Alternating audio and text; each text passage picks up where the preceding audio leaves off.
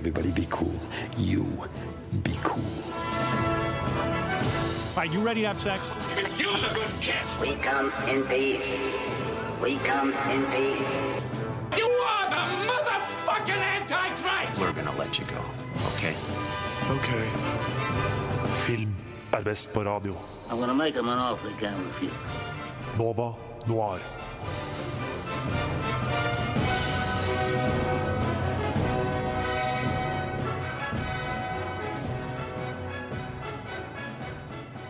Gandalf og Saruman, John McClain og Hans Gruber, Luke Skywalker og Darth Vader, Professor X og Magneto, Batman og Joker.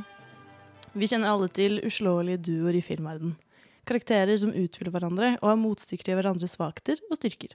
I mange av disse tomannslagene er det friksjon og gnisninger som er nøkkelen til å holde forholdet i gang.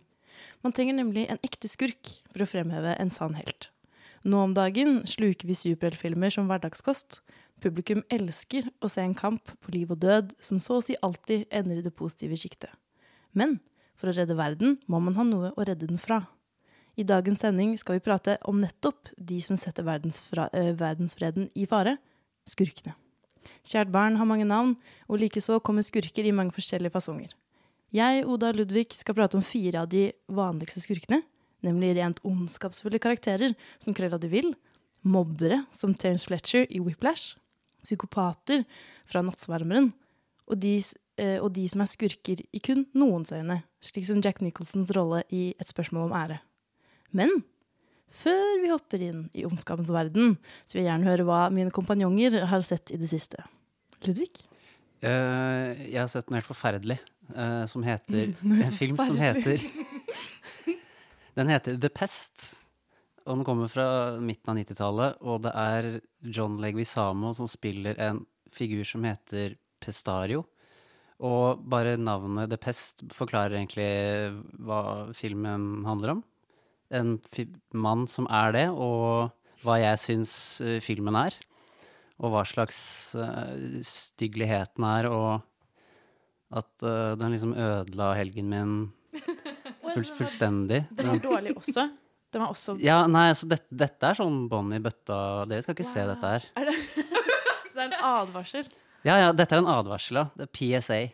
Hvorfor endte du opp med å se den, da? Fordi eh, jeg og kompisen min liker liksom å se en sånn, sånn bad movie night-aktig type ting. Ja. Men jeg syns liksom det skal være en grense.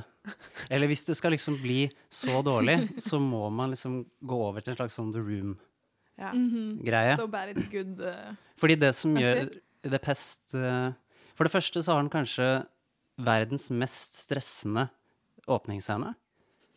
Der eh, Jeg vet ikke hvordan jeg kan beskrive Han står i dusjen og synger samtidig som han kler seg ut litt sånn ubehagelig kler seg ut som andre etnisiteter, og spesielt østasiatere får kjørt seg i filmen. Uff, og John. Leguizamo er ikke det selv, så da blir det jo bare Det er til og med en scene der Det eneste fantastiske øyeblikket var fra en statist hvor han sitter på en kinesisk restaurant rundt et bord og leker kineser.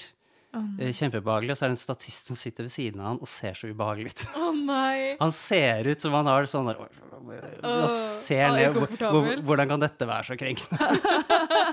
og jeg vet ikke Det ser ikke ut som det var en del av, av filmen. filmen. Men uh, ikke se denne her. Noen, vær så snill. Oi, wow. Men uh, har du en anbefaling, da, Oda? Så for ja, å veie opp for Ludvig sin advarsel. Jeg har mange Jeg har jo rast gjennom Oscar-filmene uh, før Oscar-seremonien. Så min Altså, min favoritt, og dette tror jeg kanskje er den beste filmen jeg har sett i år så langt, var The Father. Jeg syns den var så bra. Den traff meg midt i hjertet. Jeg måtte ringe pappa etter at jeg hadde sett den. Og bare sånn 'Jeg er glad i deg'. Og han satt så på serie, så han var sånn OK. Ha det. Jeg er vant til at du ringer og ja. Så han ringte meg et par dager senere og bare 'Ja, nå er jeg ti'. Og jeg bare 'OK, men nå føler ikke jeg liksom like sterkt'. Nå er jeg ikke glad i deg lenger. nå, nå er jeg ikke like glad i deg lenger.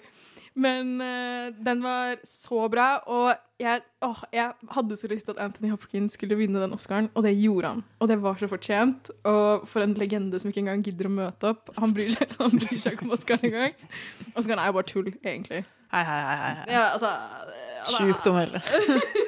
Det er jo bare tullball, men det er veldig gøy. Ja, det er kjempeteit. Det, det meste som er veldig gøy, er jo som regel bare tullball. Som ikke betyr så mye i lengden. Det er veldig godt poeng. Sant. Um, Men det er ikke The Father, er ikke tullball. The Father er ikke tullball, og det får ingen lov til å si noensinne, og alle må se den. Så jeg er helt omvendt fra Ludvig. Du får ikke lov til å gå fra denne sendingen og ikke se på The Father.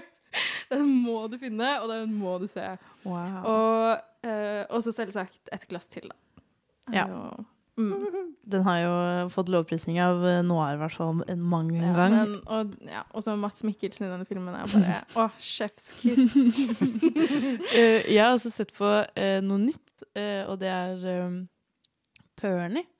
Som er eh, den, der, den nye serien med Henriette Stenstrup. Som handler om en dame som da er, jobber for barnevernet. Og så eh, handler det bare egentlig om at hun har vært eh, skilt i fem år, har en tenåringsdatter, har en datter som er sånn 13. Har egentlig ikke prioritert seg selv noensinne, og så bare begynner hun liksom å prøve å date litt, da. Og, og nei, det høres jo jævlig teit ut når jeg sier det på den måten, men den er faktisk veldig god. Eh, jeg er egentlig ikke så glad i sånne type serier, men eh, så så jeg første episode, og så tenkte jeg på den veldig lenge etterpå. Altså flere dager hvor jeg var sånn hm, jeg har egentlig lyst til å se hva som skjer. For den klarer på en måte å veksle mellom det seriøse, er plutselig klipp fra at, jeg er i, i, at hun er i en sak da, med en, en småbarnsfamilie hvor barnet ikke har det så bra, eller at du ser at det er et veldig stressende uh, miljø, til at det bare handler om et eller annet teit datteren hennes prater om. på en måte. Eh, og det er veldig veldig kult hvordan de eh, har løst det. Er det er veldig veldig effektivt. da. Er, sånn- du får null pauser. Men det er veldig, veldig kult.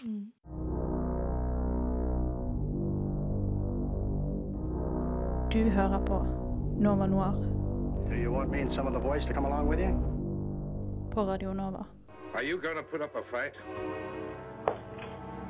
I'll tell you one thing, I ain't going to jail for no killing I was pushed into.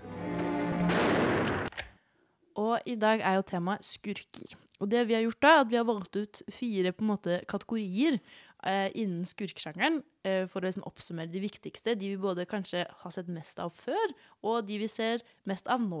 Um, men hva, altså skurker er jo liksom blitt en veldig sånn um, føler Skurker er en litt sånn rar situasjon om dagen. For jeg føler at folk digger skurker. Sånn, eh, nå kommer det en ny serie om Loke. Loke er på en måte s- skurken i Thor. Eh, og alle de, elsket jo han fordi han er så digg. Eh, men også er det sånn Joker-skurkene. Alle som har Joker, alle digger dem. Men ja, hva er det som er greia med, med skurkene, egentlig, Ludvig? Nei, eh, jeg vet, det er vel kanskje fordi at eh, de har en livsstil, eh, kanskje, og en væremåte som i hvert fall normale mennesker ikke burde ha, uten å havne i store problemer. Eh, for vi mennesker vi liker jo veldig godt ting vi ikke får tak i, eller hva vi kan være. Så det kan jo ligge noe i det. Og så er det jo litt forskjell på ja, hva slags skurker man har. Da. Fordi like er jo et eh, ord her. Vi liker jo dem forhåpentligvis i i et kunstnerisk, eh, på et kunstnerisk plan, og ikke liker dem. Men dette kommer vel sikkert tilbake til hvis man snakker litt mer nyansert, da. Men er det, har du en favorittskurk? Jeg, jeg vet ikke. Jeg tror ikke det, altså. Det er, noen har en sånn derre Yes, han, han elsker elsker Joker, elsker eller en annen, men eh, Nei, jeg tror ikke jeg har en sånn én favoritt. Hva med deg, Oda? Um, altså, den skurken som jeg hater mest, det er Nurse Ratched i One Flew Over the Cuckoo's Nest. Det er helt klart den personen jeg hater mest i kanskje hele filmhistorien. Jeg syns hun er helt forferdelig. Um, vi skal jo se en Disney Eller vi skal snakke om en Disney-film. Vi har sett en Disney-film.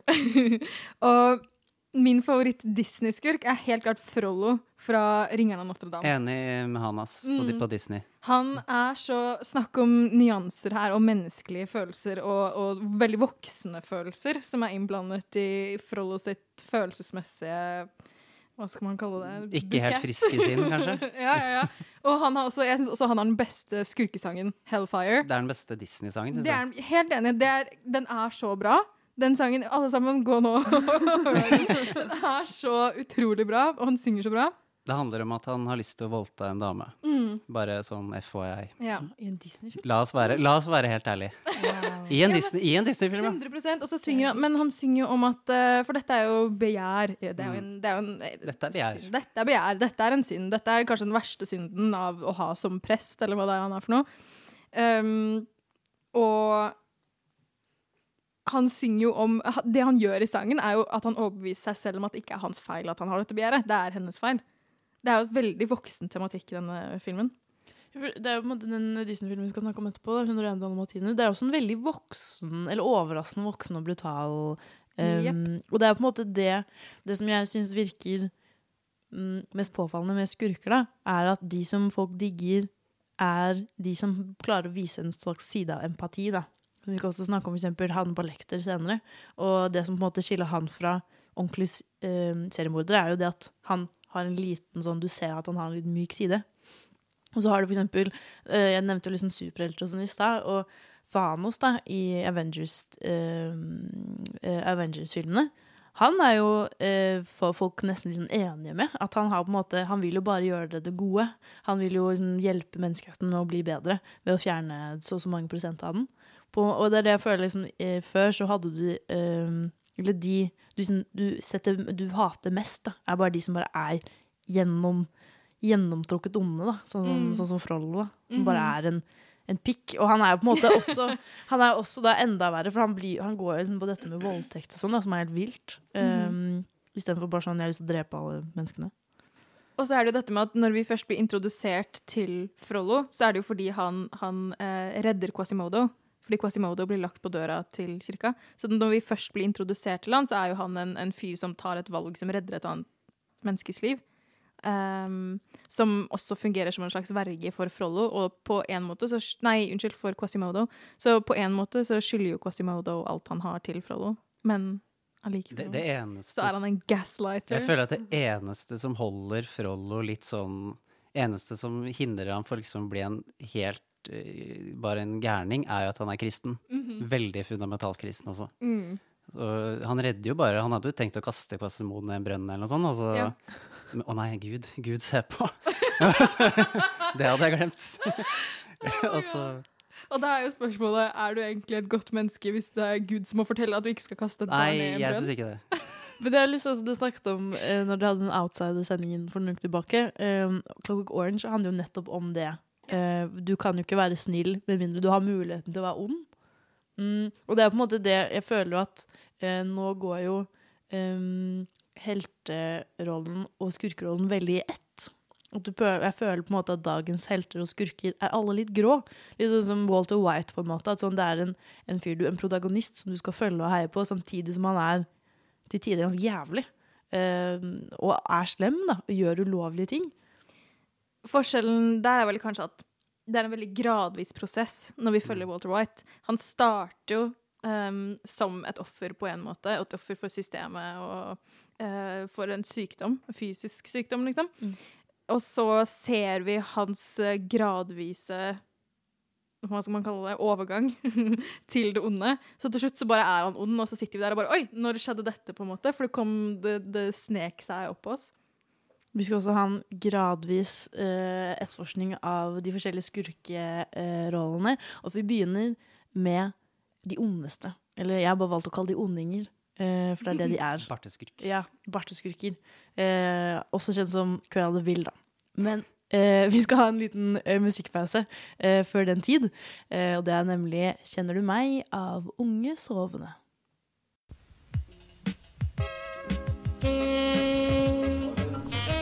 Alle det, og så kommer Edmund og bare What the fuck?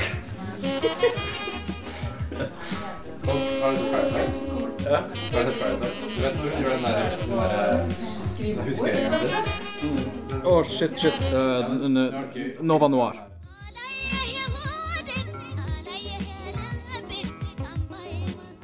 Ja, og vi fortsetter med skurkesendingen. Og den første filmen er 101 dalmatinere, som egentlig ikke handler så om så mye. Dette er altså eh, animasjonsfilmen fra 1961, ikke, ikke live action-filmene. Det er vel mange som uh, kanskje forbinder 101 dalmatinere med den, først og fremst. Uh, men det handler i hvert fall om uh, 15 unge dalmatinere som blir kidnappa av den onde Cruella de Vil. eh, med hennes andre ofre, som til sammen blir 101, og eh, 99, ja. Sorry, det er foreldre nå.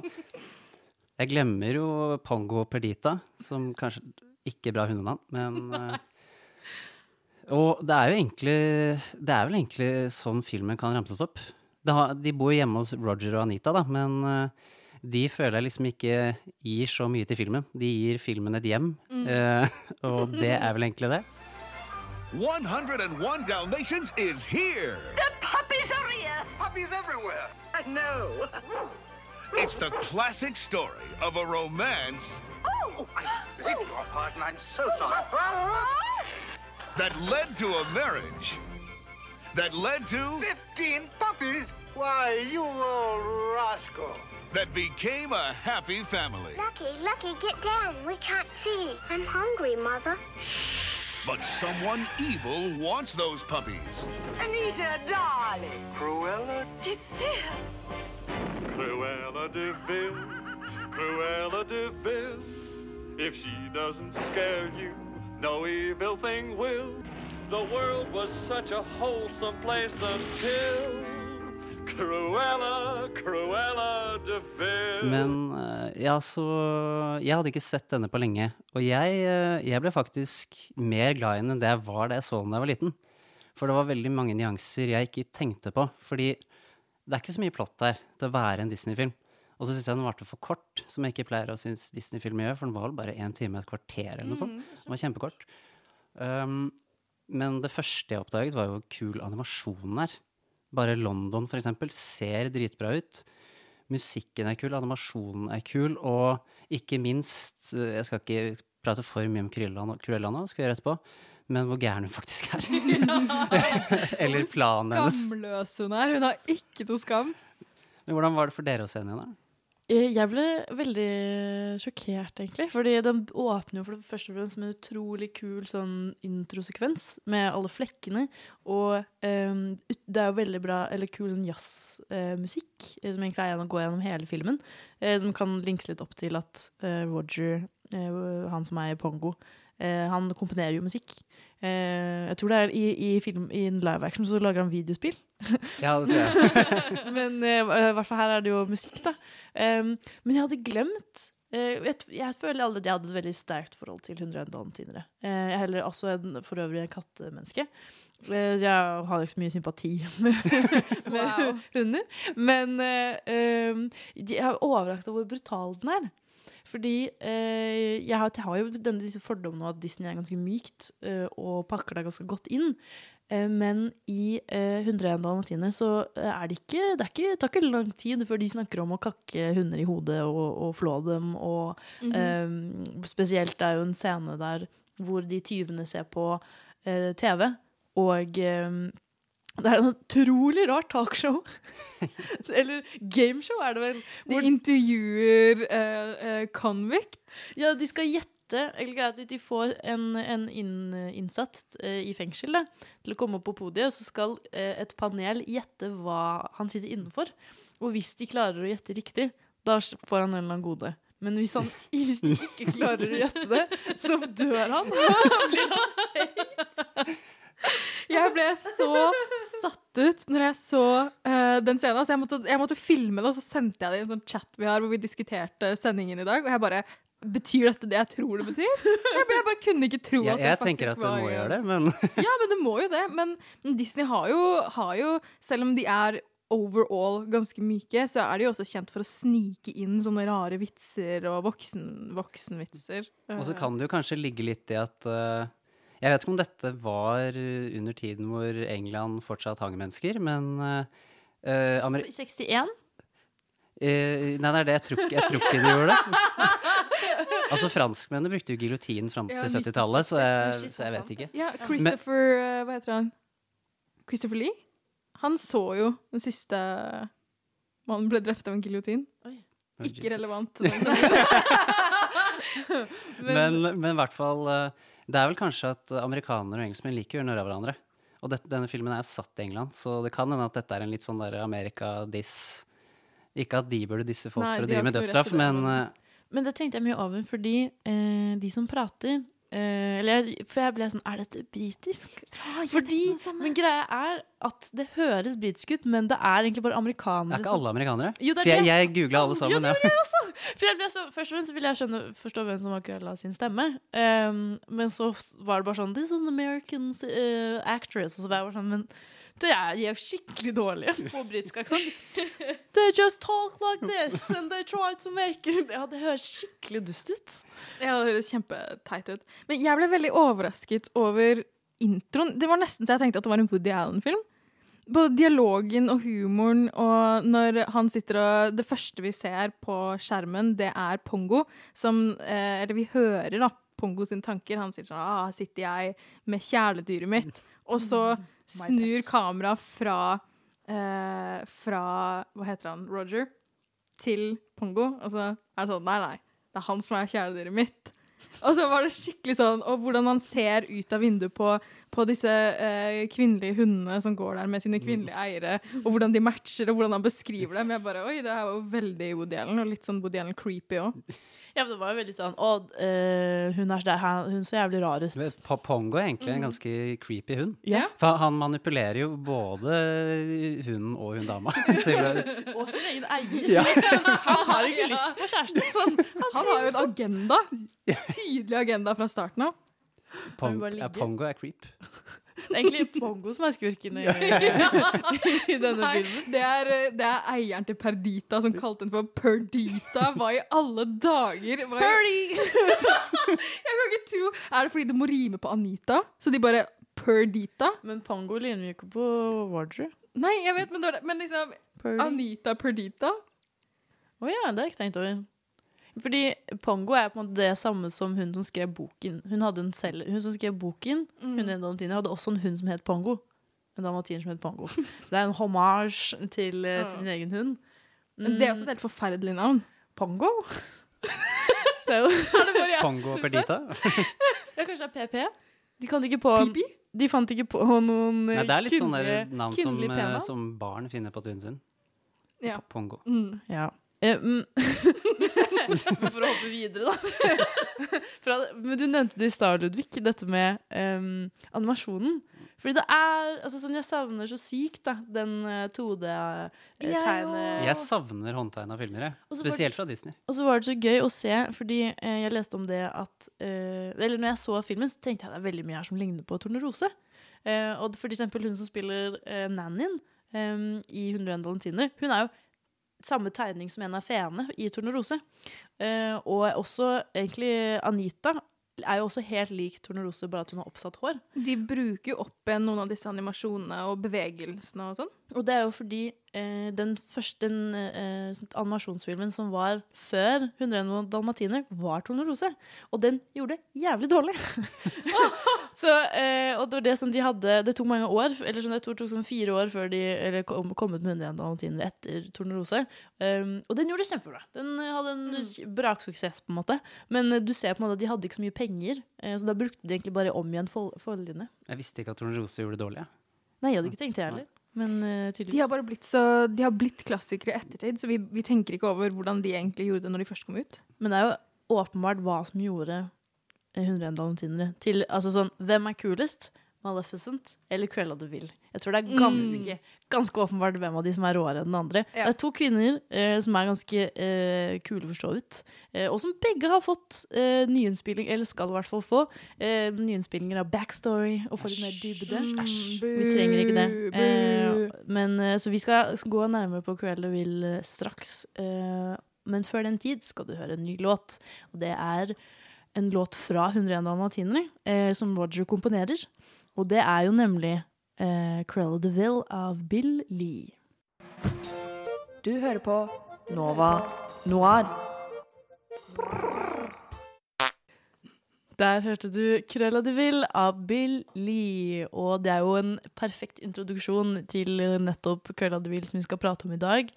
Du kjenner hun sikkert godt. Du har sett henne, eh, hun er limt fast på eh, netthinnen fordi det er jo da selvfølgelig denne tynne, tynne kvinnen som går, har 50-50 hvitt og sort hår. Eh, går med verdens største pelskåpe. eh, og en sånn sort sånn silketettsittende eh, kjole. Og lange røde hansker og spisse røde sko. Og så har hun sigarettholder. Ja, Og så er det sånn ekkel grønn røyk. Hun har ond røyk. Ond røyk. Det er, sånn, det er som det er sånn spøkelse som uh... Dette er egentlig bare en, en sånn en time og et kvarter lang antirøykereklame. Men det er det jo faktisk, fordi i um, når Jeg fikk lyst til å røyke. Man får lyst på sånn sigarettholder Ja. når man ser Jeg, på jeg syns ikke den fungerte sånn negativt. Nei, men jeg synes, for det er det som er gøy i, nei, i live action-filmene. Fordi i toeren så blir jo Cruella snill, ikke sant? Og da er det på en måte hun slutter å, spi eh, å ville drepe dyr, og hun slutter å røyke. og det er på en måte det at det er sånn assosiert med at hun er slem og røyker. Men kan vi også snakke om introduksjonen hennes, hvor fantastisk den er? Hun kommer kjørende, og hun har en sånn kul sånn veteranbil, og så kommer hun kjørende rundt svingen kommer hun. og, og så bråbremser hun utenfor huset, og så ser du bare silhuetten hennes gjennom døra. Og så kommer hun inn, og, og hun bare lar seg selv altså Hun bare det, det braser inn i huset. Og så sier Anita oh, 'how are you?' Og så sier hun 'absolutely wretched, darling'. hun sier, sier 'miserable as usual'. Absolutely wretched. Ikonisk. Mm Ikonisk. Sånn som alle uh, slemme oppesen britiske damer sier på film, som alle må si 'darling'. Mm, darling. Honey. L- Litt passiv-aggressivt. Mm. Men hun er så kul. Det er sånn jeg skulle ønske Å, jeg har så lyst til at hun skal komme og sånn disrespecte meg, fordi det er så gøy. Jeg blir tråkket på Jeg bare mm, Stomp on me. Lag en, lag en frakk ut av meg. Du kan være min buffalo. Nei, Nei, men det som er med Cruella, er at hun er det vi kaller, og har valgt å kalle denne sendingen, for en uh, typisk bartesnurrer. Uh, eller en da musters twirler, som er en litt sånn uh, bare gjennomsyret ond person. Det er null dybde, det er null bakhistorie. Du får ingen hold holdepunkter som får deg til å liksom synes noe synd på Cruella. Hun er bare en, en, en fitte. Rett og slett. Og så har de bytta ut barten med røyken, kan vi si. Mm. Ja. Det er hennes, eh, det er hennes Veldig bart. godt poeng. Og jeg føler at um, disse skurkene er veldig typiske i uh, barnefilmer. For det er på en måte her du bare skal føle at Mm. det er en helt som skal redde noe, eller, bli, eller gjøre, gjøre et eller annet som en skurk har for, Eller ordne opp i et eller annet en skurk har forårsaket. Og da skal du bare heie på, på helten. Barn skal jo bare gjøre det. Så det er enklere å bare ha sånn Dette er en kjip person. Det er den barna skjønner er skurk, da. Ja, ja, det er lett å, det er Med, med å med mindre forstå. du kanskje er en unge som har en mor som er sånn, men uh, utenom det, så Fordi, sånn som med forholdet, da, som dere nevnte i stad eh, Man kan jo kanskje bli litt forvirret av, eh, av han. Fordi som du sier, så begynner Nå husker jeg ingenting av Ring av Notre-Dame, jeg tror ikke jeg har sett den. jeg. Men eh, Og da Da er er det ikke så rart du ikke husker noe. Nei, ikke sant, det er det som er poenget. Eh, men som du nevnte i stad, så er han på en måte Han begynner med å være litt snill og ta, uh, ta Modo inn i sin varme. Og da jeg, kan jeg se for meg at barn blir sånn Men han var snill i stad. Hvordan er han snill nå? Nei, slem nå. Men samtidig så liker jeg veldig godt filmer som ikke undervurderer barn sin kapasitet til å forstå en sånn type historie. Fordi jeg tror ofte at barn forstår mer enn det vi tror de forstår. Sånn som Det er det jeg liker med for eksempel em, Pixar sine nyeste Eller nå er vel Pixar og Disney så å si det samme, men sånn som de siste uh, Disney og Pic Disney Pixar og Disney-filmene, sånn som Soul og Coco og sånn. uh, at det er mer nyanserte karakterer og nyanserte situasjoner. Jeg tror barn Ja, det er jo egentlig ganske utdatert trope, da. Mm. Eh, eller karakter. At nå er det på en måte eh, Dette er på en måte de som tilhører vår barndom, da. Jeg føler også at hvis jeg ser på barnefilmer i dag, så føler jeg også at det er mer nyanse, til og med til de skurkene, da, tegneserieskurkene. Dette, kanskje, ja, dette er jo fra 60-tallet, da. Og, og eh, sånn som um, Vi snakket om Tornerose i stad, som kom noen år før. Maleficent har jo fått uh, mer sympati i dag fordi det er lagd masse filmer om henne. Men hun har jo Du syns jo også hun er helt jævlig når du ser på dem når du har barn. Mm. Og, men det er det som er så som var så forfriskende med å se på 101 dalmatinere, fordi Cruella er så skamløs. Hun gjør Hun sier nøyaktig hva det er hun vil. Hun sier 'jeg vil kjøpe disse hundene, gi meg hunder', si fra akkurat når de blir født, for da skal jeg komme og jeg skal ta dem. Hun sier det rett ut, og hun er så skamløs og så grådig, og hun er bokstavelig talt grå i trynet. Uh, hun, ja, men hun er jo det. Hun er jo hvit og grå i ansiktet, der alle andre bare er Og også hvor drøy planen hennes faktisk er. Mhm. Ja. For- Fordi planen hennes er jo faktisk så jordnær på en måte at noen kunne funnet på å gjøre det i virkeligheten. Det er ikke Det- sånn ta over verden. Det, det, det, det fins liksom eh, mennesker som eh, kunne gjort dette her. Kanskje ikke på akkurat den samme måten, men eh, kunne hatt samme idé. Men absolutt. Jeg tror det er derfor også Pelsnæringen er jo, er jo der fortsatt. Jeg tror det er derfor hun eh, sitter så mye igjen også, fordi hun er, på tross av å være en så eh, bare endimensjonell, eh, elemensjonal eh, skurk, så er det fortsatt en som er, går ganske close to home. At sånn, vi føler alt vi liksom, I hvert fall i dag, da, når pels er så uh, boikottet og uh, uglesett som det er i dag, så er jo hun ekstra ond, da. Og for i 1961 så var vel kanskje ikke pelsnæringen så tabu heller. Det er liksom bare mer framgangs, fremgangs, framgangsmåten hennes som Mm. er drøy. Og at det er valper, liksom. Og at det kanskje ikke er hunder som er standarddyret for tradisjonell uh, pelsnæring. Det, Det er noe med det at hunder er jo enda det er dyr som vi liker. Det er Mm. ikke, det er ikke gårdsdyr, liksom. Nei. Men det var også, apropos litt tilbake til dette med uh, klassisk ondt versus klassisk uh, godt. Til og med den filmen som er inni denne filmen. Valpene sitter og ser på en, en film som heter Thunderbolt på TV-en, om en heltehund. Og til og med i den så er det veldig, to veldig sånn klassiske karakterer. En onding som er ute etter helten, som heter Thunderbolt, som er en heltehund. Som er liksom sånn det var en, en schæfer eller noe sånt noe. Politihund. Så til og med i filmen i filmen har dette klassiske elementet av Den bruker sin egen Ja. og eksemplifiserer. Mhm. Jeg tror litt det er også at øh, Sånn som Ina Sånn som vi prata om i stad, at øh, skurker var Jeg tror ikke bare det gjaldt barnefilmer. Jeg tror også i mainstream voksenfilmer så var skurken litt mer endimensjonal. Men altså bare sånn, Vi hadde en campy science fiction-sending forrige uke, og det er jo veldig typisk at det er bare sånn Det er bare en kjempeslem fyr som du må drepe, Arnold. Kom igjen! Og, bare, og jeg føler at det Hvis du bare skal ha en litt sånn enkel Det blir jo det, da. Du skal ha en enkel historie fra A til B. Da er det jo lett å ha en bartesnurrer, bartsnurrer, da. Det er derfor jeg ser på James Bond-filmer noen ganger som en slags sånn avslappingsgreie, fordi du bare vet fordi, altså, James Bond er på en måte en superhelt uten drakt. Og skurkene er sånn der gnir seg i hendene og skal ta over verden, og så skjer det ikke. uh, noen ganger så er det bare behagelig å se de filmene, for du vet hva som kommer til å skje. Uh, for jeg vet ikke om det finnes noen filmer med en sånn barteskurk som vinner.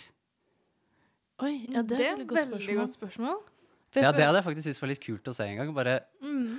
Og så vinner den. Og så bare går det. Men det skal vi snakke mer om etterpå, for jeg, det er det jeg syns er mye av problemet med uh, nye filmatiseringer av skurker. At plutselig så skal de få denne dybden og, og, og dette grunnlaget for å være slemme. Det er ikke nødvendigvis noe jeg trenger. Men vi skal ikke snakke om det enda, for vi skal uh, gå videre til en Jeg vet, eller jeg har i hvert fall snakket med mange om at denne fyren er en skikkelig drittsekk, uh, og det er jo JK Simmons i Whiplash, som er ja, en en ekte pikk.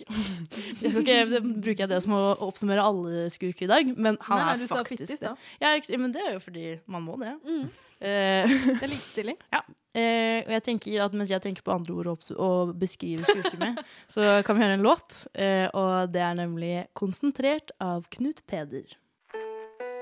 Er Inglourious Bastards den beste Tarantino-filmen? Nei, det er jo ikke det. Det er ikke det. det er, er det noen som mener noen av dere det? Nei. Sånn helt Ja. Du mener det? Ja. Film er best på radio. Nova Noir. Og fra 100 dalmatinere så skal vi til uh, Whiplash i eh, skurkesendingen vår. Eh, og da skal vi rett og slett til New York, hvor Andrew, spilt av Miles Teller, går på en veldig pre pres pres prestisjetung jazzlinje uh, på en musikkskole i New York.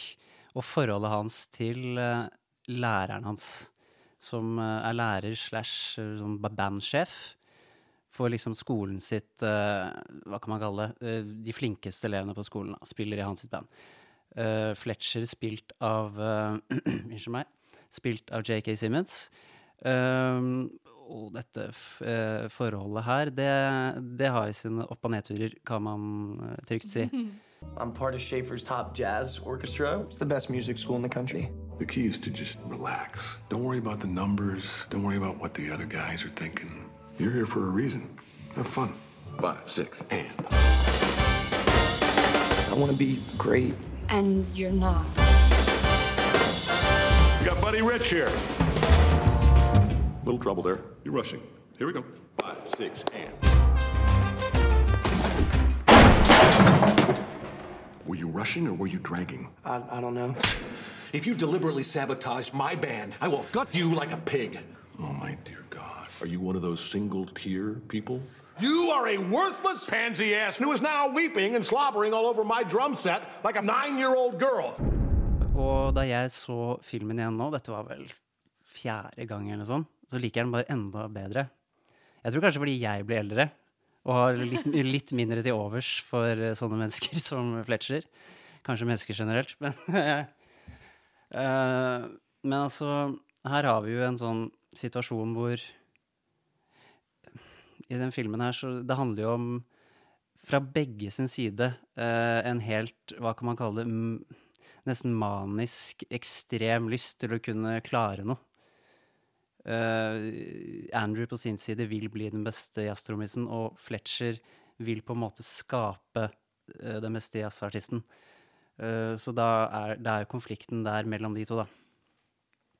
Eh, jeg så også den opp igjen for jeg tror tredje gang, eller noe sånt, og jeg likte den også bare enda mer. Jeg har alltid likt den veldig godt, men denne gangen så var det bare Jeg ble blåst av banen. Og det jeg vil si, er at de første 15 minuttene av denne filmen er bare perfekt. Det er sånn perfekt setup for filmen.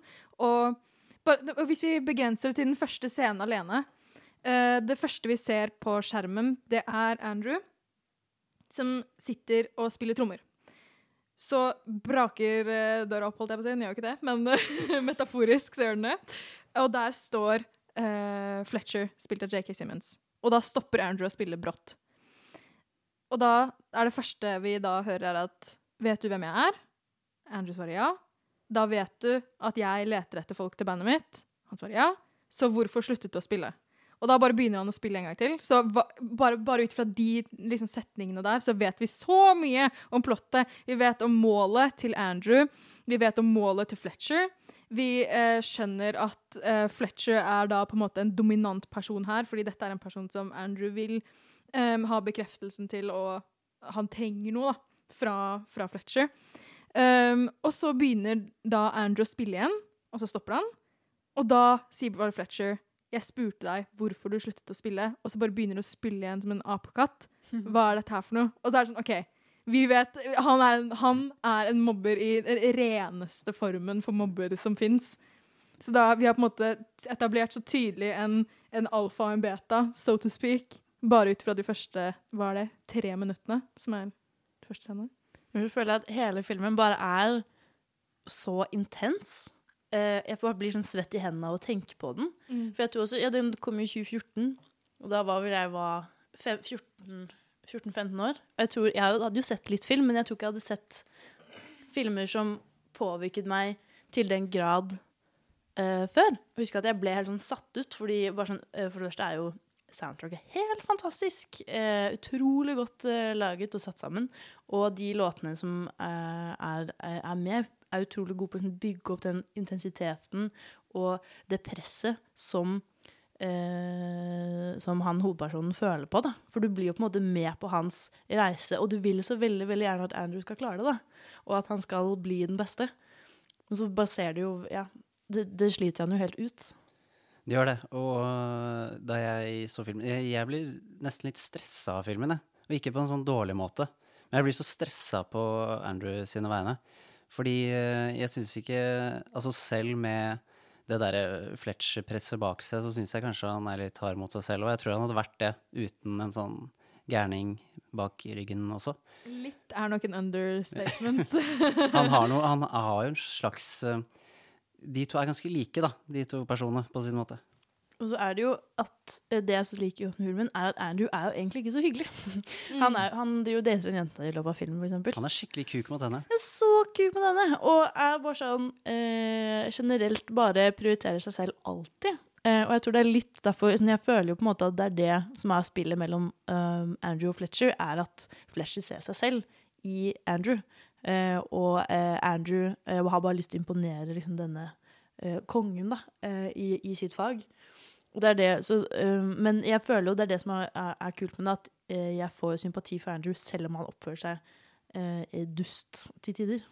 Og det er jo også noe ved at man får sympati og litt respekt for et så rent mål, og så tydelig mål som det Andrew har. Han, hans mål er at jeg skal bli den beste. Jeg vil at noen skal huske navnet mitt, og, og jeg vil mestre. Til og med over en familiemiddag sånn cirka midt i filmen, tror jeg vel det er. Så sier han jo sånn Jeg vil heller dø ung med kroppen stappa full av heroin, liksom, enn uh, en 80 år gammel og lykkelig, men ingen vil huske hvem jeg er. Det er jo en litt egoistisk tankegang òg. Han, han har et ego, men det tror jeg ganske mange som er 19 har. I hvert fall til sånn når det kommer til å hevde seg og sånn. Men den middagsscenen syns jeg kanskje er en av de beste scenene i filmen. Den, spesielt når han disser Er det fetterne sine? Han driver disse disser for å være Jeg skjønte ikke helt om det var fetteren eller om det var, en av de var broren hans. Jeg tror det er broren hans. Ja, i hvert fall så han i at uh, hvordan kunst på en måte blir Fordi han er sånn stjerne på fotballag, men egentlig ikke så høyt oppe i forhold til det å være profesjonell og sånn. Men så blir jo Andrew ikke lei seg, men mer sint for at de undervurderer at han er Altså han er sånn proporsjonelt mye bedre enn en musiker enn uh, broren, fetteren, er en fotballspiller. Eh, og jeg kan skjønne litt den frustrasjonen og litt sånn hvor vi setter sport i forhold til kunst, da. Absolutt. Uh, og jeg tror at, uh, som du sier, dette er, det er mye frustrasjon i hele filmen, men alt uh, roter, er sånn, samler seg på en måte på denne ene fyren, som er liksom et dratetryne, eh, som bare er ja, bøllenes bølle. Eh, og det er jo den eh, karakteren vi, vi skal snakke om eh, straks, eh, nemlig mobberen, eller bølle, som jeg valgte valgt å kalle denne kategorien innen skurk. Eh, men vi skal ha en liten musikkpause fra Whiplash. Og da er det jo da låten med samme navn av Hank Levi. Nova. Radio Nova.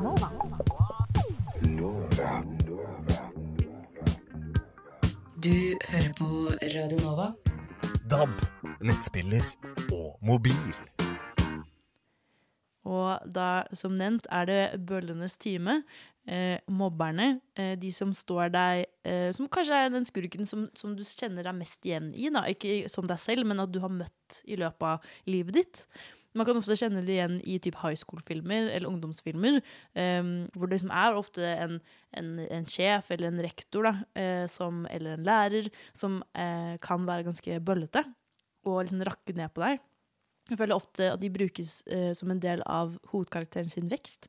At sånn, du får se scener fra når, um, når protagonisten er svak og ikke tør å si fra, og så senere i filmen hvor, hvor hen har vokst og blitt um, uh, mye sterkere og modigere, og klarer å si nei til, til mobberen sin. Men det er jo det, da.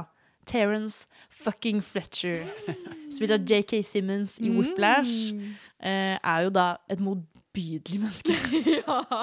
Men hvorfor er han det, Ludvig? Det er fordi han eh, liksom er kanskje en av de dårligste pedagogene sånn l- lærermessig.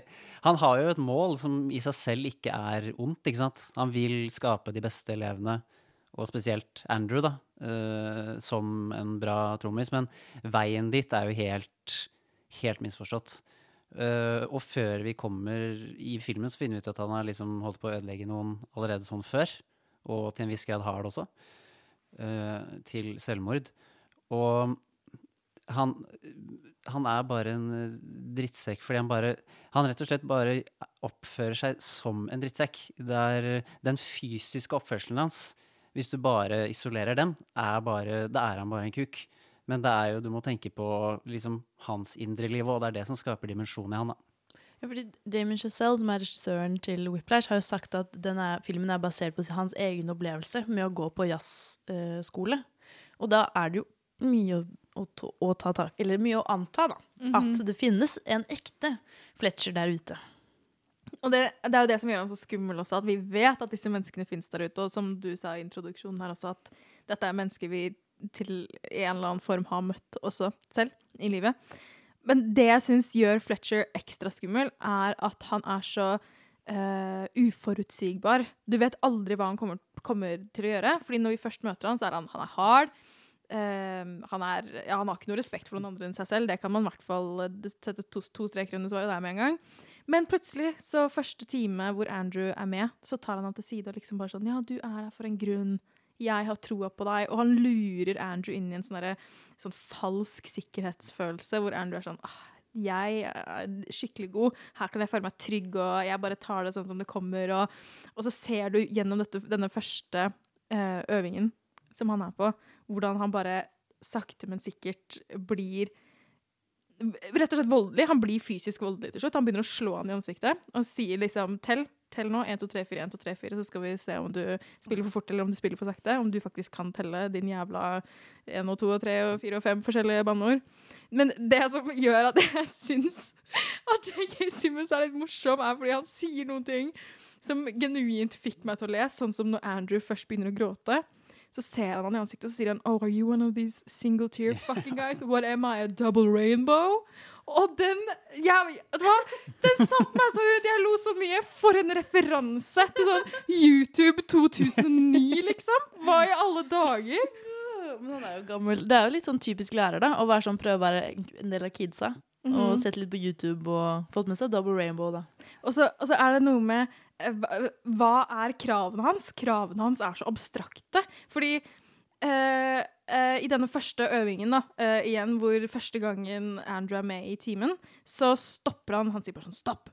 En av dere spiller surt, liksom. En av dere har ikke stemt uh, instrumentet deres. Og så går han gjennom én etter én, og så bare ender han opp på en fyr hvor han senser en svakhet uh, i en hva han spiller, han spiller trompet eller noe sånt nå. Eh, og da bare går han, han hugger til, han sier 'hva er det med instrumentet ditt, er det du som spiller surt?' Og ender opp med å bare hive han ut av bandet. Han bare 'du er ute, du er ikke velkommen tilbake hit'. Og med en gang han er ute av rommet, så sier han 'ja, det var ikke han', men han visste ikke, så det er, eh, det er dumt nok. Og så bare sier han 'ja, det var deg', og så peker han til en annen fyr i rommet, men det går bra. Han syns det er en større svakhet at folk selv ikke vet hva sine feil er, Ja. heller enn å faktisk gjøre feil. Mm. Og at det ikke uh, Det er jo det han vil, er jo å ha en person som Han vil ha en verdig motstander, er nesten det jeg tenker at han vil ha. Han vil ha en person som matcher han. Jeg føler jo at egentlig at Fletcher sitter på denne et, Han har en aggresjon og et anger, egentlig, over at han ble jo ikke stor selv. Han klarte ikke å bli denne kjempestore jazzmusikeren som han eh, så egentlig later som at han er. Og han tar det, dette, dette sinnet utover elevene sine. Um, og det er bare også litt sånn motbydelig, for det blir jo bare veldig sånn Du fikk det ikke til, så derfor straffer du alle andre for dine feil. Jeg, jeg tror det er, det er så, helt klart hans største motiv. Fordi jeg tror han er en sånn fyr som Han har bedre gehør enn han har musikkunnskaper selv. Mm. Så han vet at han kan potensielt skape den perfekte musikeren, men han kan ikke være det selv. Nei. Og det tror jeg frustrerer driten ut av. Fordi jeg, jeg plukka ikke opp på det når jeg så filmen. Jeg tenkte ikke det i det hele tatt. Jeg tenkte at hans intensjoner var også rene i form av at jeg skal skape jeg skal skape et geni. Og det var også derfor eh, Kan vi begynne å gå inn på slutten, eller rusher jeg da? Nei, kjør på. Det er derfor jeg også føler på slutten at jeg føler at det er Fletcher som vant. Jeg følte ikke at dette var Andrew sin win. eh, Nei, ikke jeg heller. I det hele tatt. Nei, For det, det uh, uh, som skjer i aller siste scene i filmen, er jo at uh, Andrew etter en kraftig konflikt med Fletcher, som gjør at Fletcher blir sparket fra skolen, de møtes igjen, og så er det tilsynelatende ikke noe sinne mellom de to. Så Fletcher sier at jeg skal Jeg har et band som skal spille her og der, da og da. Vil du komme og spille trommene til, det, til dette settet? Så sier Andrew ja, og når han kommer dit, så har Fletcher gitt han feil sett, så han sitter på scenen og driter seg ut fordi han kan ikke, han kan ikke eh, sangen i det hele tatt, da, eller stykket. Og det som skjer, er at han ender opp med å løpe av scenen, inn, bokstavelig talt inn i faren sine armer, få en klem, snur seg, går også igjen bokstavelig talt ut av faren sine armer og ut fra liksom familien, tilbake igjen på scenen, og lar på en måte besettelsen ta overhånd. Og da har han jo Da har han jo latt Fletcher vinne. Men det er jo på en måte det som er hele poenget til Fletcher, at han eh, Det han har lyst til å skape, kommer han uansett å hate. Fordi det er det han aldri fikk. Så um, uansett hva Fletcher gjør, så kommer han til å hate enten personen eller seg selv. Så jeg føler at ingen av dem vant.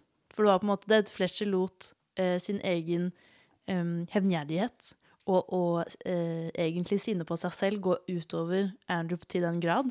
Og Andrew lot seg også bli overtalt eller liksom ehm, ehm, Ja, ble liksom lot seg påvirke av Fletcher igjen. Så det er ingen, det kommer, ingen kommer gutt, ugodt ut av filmen generelt. Men jeg opplevde Fletcher som at han visste veldig godt hva han drev med. For han brukte dette eksempelet flere ganger om var det Miles Davis han sa. At uh, han ble The Bird når han fikk en uh, et eller annet kasta på huet sitt fordi han ble fortalt at han ikke var bra nok. Og så sier han det fins ikke to mer skadelige ord i det engelske språket enn good job. Så han, han gjør et veldig bevisst valg. Han tar et veldig bevisst valg når han mobber disse uh, musikerne. For han sier at en sann Miles Davis eller en eh, sann Duke Ellington ville ikke latt seg selv bli skremt unna av den oppførselen som jeg utsetter dere for. Så for meg så er det et bevisst valg han tar, ikke, ikke noe som Ikke en, på en måte noe som glipper ut av han. Ja, akkurat der så jeg, tenker jeg også at han lever litt i sin egen ungdom. At eh, den historien fikk han sikkert høre da han var sånn 15, sikkert. Og så har han bare syntes det er verdens kuleste, mest rocka historie. Og så har han bare levd på den. Så man ser jo litt hans eh, Man kan jo lese mye i, nei, av uh, Fletcher sin eh, ungdom også, i han selv. For det er mye han ikke har oppnådd, og det har bare gjort han ekstremt sur. Vi, jo, vi skal jo videre på uh, skurker som uh, også på en måte man kan pleier å skylde på oppvekst, eller om det bare er fordi de er litt rare, eller om de bare eh, ikke vet hva de driver med. Og det er jo nemlig eh, seriemordere, eh, som også kan være en, en, eh, et, et, eh, en naboen din, på en måte. Og eh, vi skal gå videre på den filmen som på en måte eh, startet hele trenden, eh, og som også gjorde det mulig å ha allsidige skurker også, på et eller annet måte. Og det er jo nemlig Nattsvermeren, eller Silence of the Lambs. Men før vi gjør det, så skal vi ta en liten musikkpause. Eh, og det er In Your Eyes, Reflection av Angie Mile og Jason. Nova Noir. Nova Noir. Nova Noir. What the fuck? Nova Noir. Vi sitter her hver torsdag fra 10 til 12. Og da skal vi snakke om Silence of the Lambs, eh, som handler om eh, Clarice Starling, en ung og lovende FBI-student som sendes på et rutineoppdrag for å intervjue seriemorder og kannibal, eh, professor Hannibal Lecter. Eller er det doktor, kanskje? Men uansett, det er den beryktede Buffalo Bill som herrer i området. Eh, aka fyren som fanger jenter og stjeler huden deres. Eh, og byrået mistenker at Lexter kan komme med nytt nyttig innsikt eh, om mannens identitet. Men dette intervjuet leder til et usedvanlig forhold mellom Starling og kannibalen, samtidig som etterforskerne sirkler seg inn på kvinneflåeren. Just do your job, but never forget what he is. But he's a monster. Pure psychopath. So rare to capture one alive. So close to the way you're gonna catch him. Do you realize that? Oh, Clarice, your problem is you need to get more fun out of life. You told me you don't spook easily. You call this easy, sir? Lecter's missing hand arm. Man's a raving maniac. Who knows what he'll do?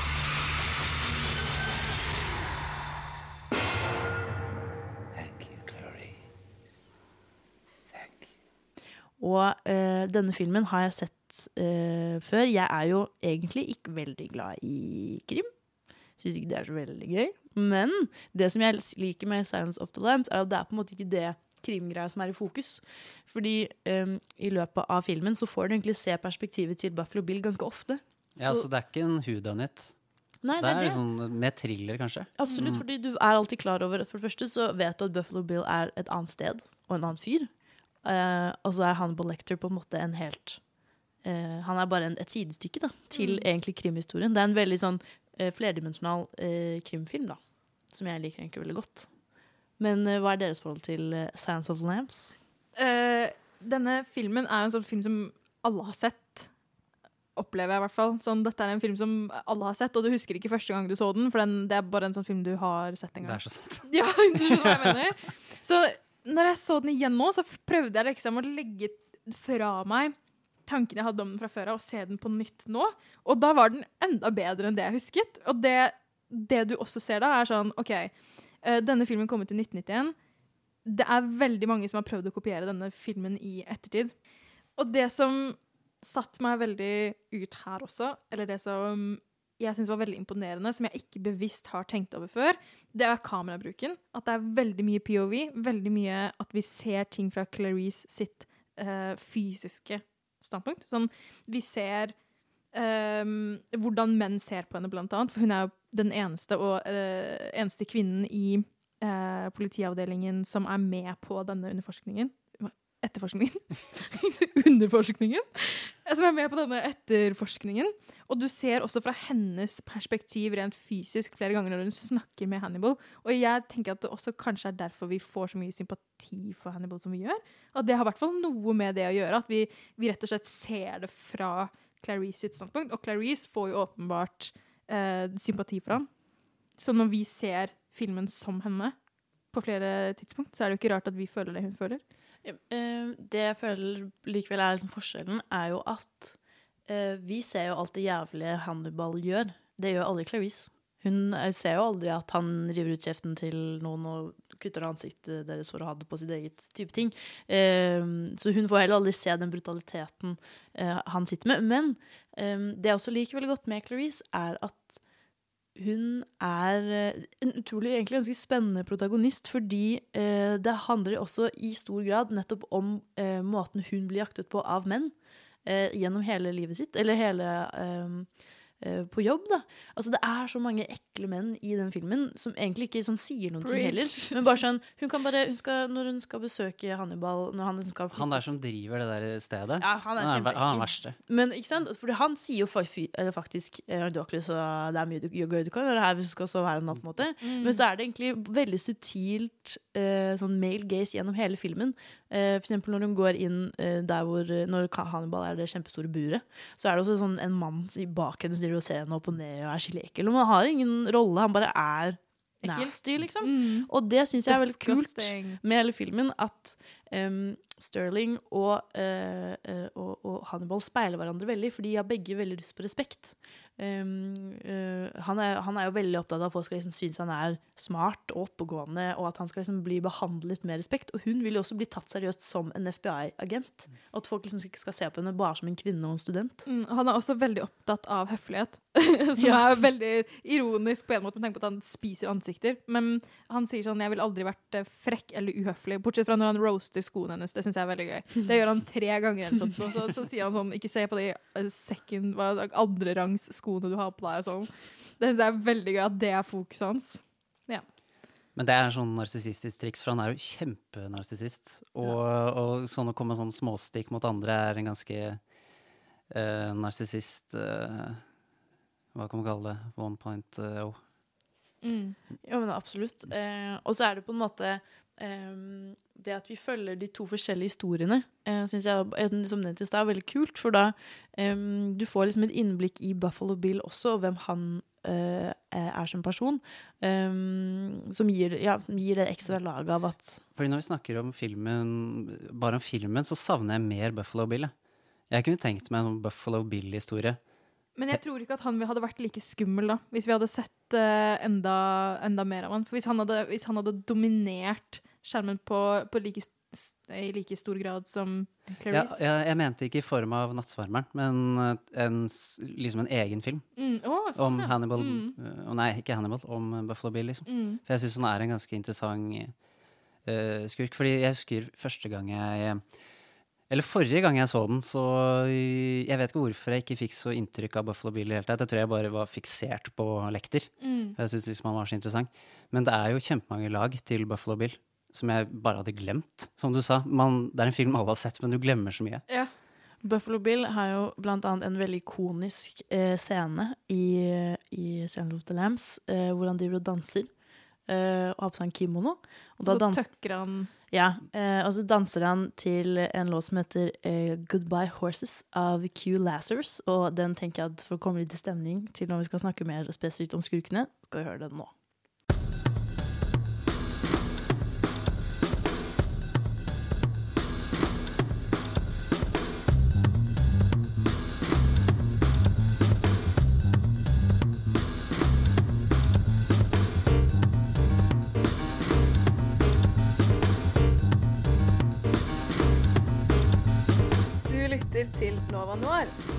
Torsdag 10-12, eller på podkast når du vil. Og det er jo da en av eh, skurkene i eh, Sounds of the Lambs eh, som danser i denne låten. Men det er jo hovedsakelig Handball Lecter vi har lyst til å prate om, i hvert fall først. For når Nattsvermeren kom eh, i sin tid, eh, så var det jo helt villbajas. Altså, folk spydde i foajeen, nektet å forlate kinosalene. Det, all, Folk var så redde for eh, Hannibal Lecter. Fordi i forkant av, av filmen så var det på en måte skurkene vi, liksom, vi var vant til da, var jo på en måte Halloween og, og fredag den 13. Altså skurker som så altså som, Akkurat sånn som Cruella, da. Så onde ut. Hadde sånn gøggete ansikter og hadde lange, lange eh, kniver på hendene. Var liksom Uansett hvordan du så på det, slemme, da. Mens Hannibal Lecter han er jo det er først, og fremst spilt av Anthony Hopkins. Legend. Som er uh, en søt mann. Og anerkjent, flink skuespiller. Uh, og han skal liksom spille denne veldig ekle uh, eh, seriemorderen som er veldig opptatt av, for som vi nevnte i stad, å være, være, være høflig og bli respektert og ha høykulturell. Han er, han er kontrollert, og han er- oppfører seg veldig verdig.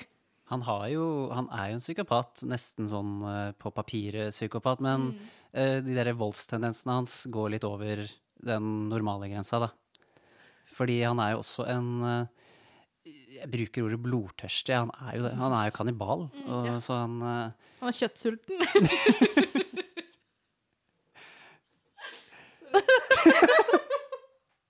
Men det som jeg syns er også For eksempel i dag, da. ehm, I dag reagerer ikke folk like sterkt på å se eh, sånne type gørr, eh, eller sånn type gørr. Eh, vi er blitt egentlig ganske sånn immune til det. True crime er kjempepopulært. Eh, det finnes så mange podcaster og dokumentarserier og spillefilmer som handler om seriemordere. Og det er jo ehm, Det jeg har tenkt mye på, eh, sånn som med 'Silence of the Lamps', er at ehm, det var på en måte da også man begynte ehm, å på en måte lage skurker hvor det var en mental lidelse eh, som var involvert. Eh, eh, som jeg også syns har vært veldig sånn problematisk. Eh, dette med sånn fremstille at eh, slemminger har eh, la oss si schizofreni. Eh, og det har jo vært kjempeskadelig uh, i mange år etterpå, og fremdeles er det, fordi man oppfatter eh, eh, en sykdom som noe som gjør at du dreper mennesker. Men det er jo ikke tilfellet i det hele tatt. Det er litt sånn som eh, Ikke at det er det samme i hele tatt, men eh, når, når eh, haisommer kom, så ble folk kjemperedde for haier. Eh, mens haier er jo egentlig ikke så farlige. Eh, ikke at det er det samme i det hele tatt som, som mennesker, på en måte. Men jeg føler at eh, selv om 'Nattsvarmeren' er en veldig, veldig kul film, så er det også en altså mye sånn farlig tematikk som er ute og går også i den. Som Ja, kan ja. Også med tanke på at Buffalo Bill er trans, selv om de gjentar flere ganger at han er ikke um, han er ikke trans, han lurer seg selv til å tro at han er det fordi han hater seg selv, så er det jo fortsatt ikke nødvendigvis det folk sitter og tenker på etter at de har sett Og filmen. og det var kanskje en litt sånn prototypaktig Mm.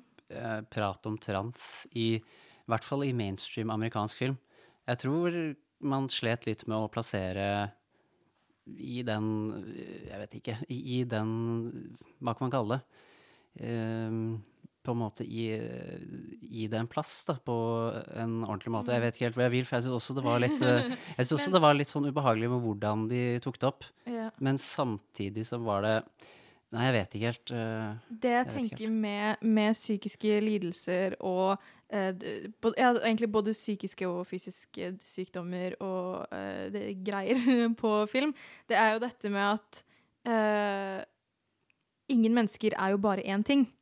Så det at en person uh, er en eh, slemming på film og har en psykisk lidelse, selv om det selvsagt er noe man skal være veldig forsiktig med, og noe man må, må eh, nærme seg taktfullt, så er det jo ikke sånn at mennesker som skal være slemme, bare kan være pene og friske og vanlige mennesker. Og så er det viktig også å poengtere at, at det å være trans ikke er en psykisk lidelse. Mm. Ja, nei, nei, ikke, jeg om, eh, ja, nei, nei, det var ikke sånn ment. Men det var at, altså, for eksempel at det blir ofte brukt i, uh, i filmer og i, uh, i skrekkfilm spesielt, da, mm. uh, som en, liksom, en kontasjon, Mm. uh, som er kjempefarlig og eh, ikke Uh, ja, sunt i det hele tatt. Det kalles ofte for sånn nefarious trope.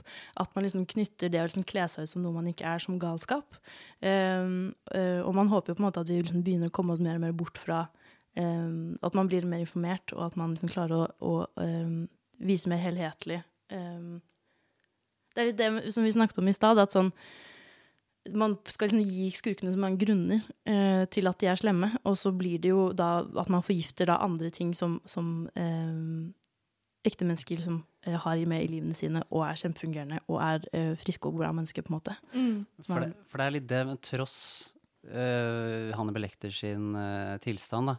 Så der er jeg litt uenig med dere at jeg, jeg ser ikke helt den eh, um, Den sympatiske siden dere hinta litt til i stad.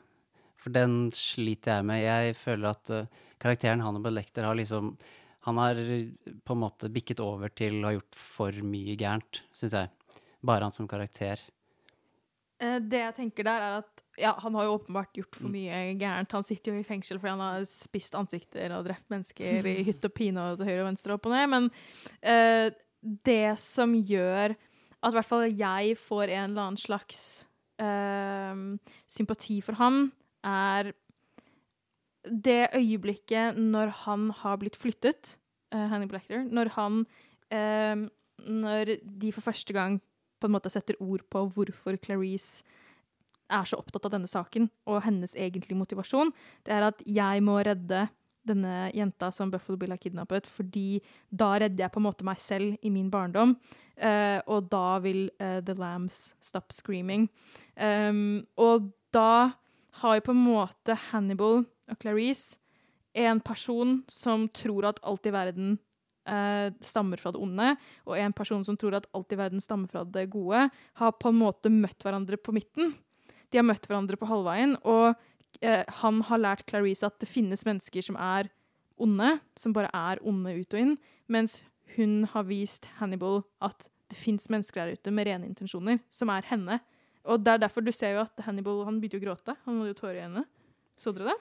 Nei.